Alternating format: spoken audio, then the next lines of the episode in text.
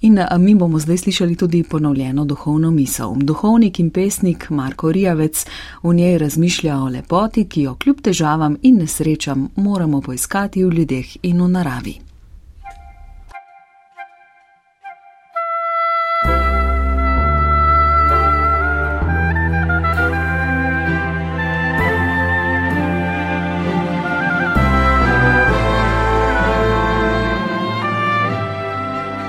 Rad imam sončne zahode.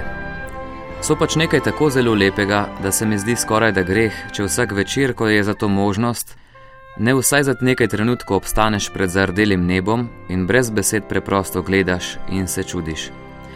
Vedno sem mislil, da podobno razmišljajo tudi drugi ljudje. Pa ne. Večina lepoto na nebu samo na hitro ošine in se spusti naprej v divjanje. To me boli. Še bolj pa me boli, če kdo slučajno pride mimo in ga opozoriš na ta čudež, pa se samo namrdne, zamahne z roko in gre svojo pot. Saj mi ni težko, če komu sončni zahodi pač niso nič kaj takega. Težko mi je zato, ker vem, da je ta njihova gesta samo dokaz, da jim lepota ni pomembna. Da taki ljudje tudi sicer ne znajo najti ničesar lepega, ničesar, čemur bi se čudili, ničesar, pred čimer bi jim vzelo sapo in jih očaralo nečesar, v čemer bi uživali in si s hvaležnostjo napolnili odhoje po svetu izpraznjene duše. Človek, ki se ne zna čuditi, ki ne zna videti lepega, je zagrenjen in črnogled. Nima upanja in nima volje, nima življenja v sebi in zato nima prihodnosti. Nasplošno se mi zdi, da nam je težavnost časa tako omračila um in srce, da res ne zmoremo več videti lepega. Ne lepega v naravi, ne lepega v dogodkih, ne lepega v ljudeh, da so na naših očeh kakor luskine dogodkov, porazov in razočaranj našega sveta. Da je zato vse, česar smo sposobni, samo nerganje nad tem in onim, nerganje, za katerega smo vsi že davno gotovili, da ne bo ničesar popravilo, ničesar izboljšalo, pa se ga še kar poslužujemo. Ker je teža vsega pač prevelika in se nam zdi, da jo to vsaj za malo zmanjša ko jo prenese na sogovorca. Pa je ne. In tako je veliko krat.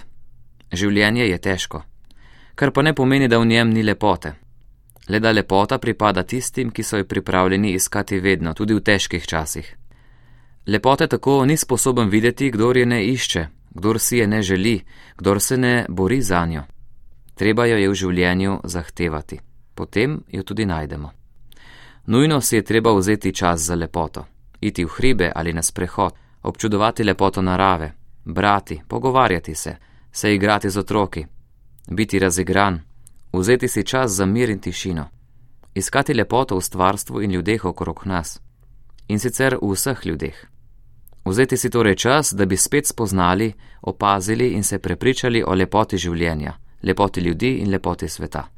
Preprosto zato, da bi jo znali potem najti tudi tam, kjer se na prvi pogled zdi, da je ni vsakdanjih opravkih in teži dneva, v napornih in žalostih dneh, v ljudeh, ki so nam ljubi in prav tako tudi v tistih, ki jih težko prebavljamo.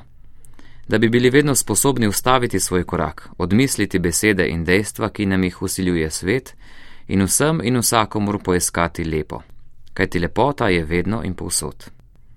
In teži kot so časi, bolj moramo iskati lepoto in tega učiti tudi druge vedno in povsod, ker je lepota vsem in vsakomur. Če temu ne verjamemo, potem že potrebujemo te vzgoje. Ne vzgoje v sanjače, temveč vzgoje v tiste, ki so sposobni videti dlje, globlje in bolje. Vzgoje v tiste, ki si želijo prihodnosti. Ker je prihodnost samo za tiste, ki iščejo in si želijo lepote.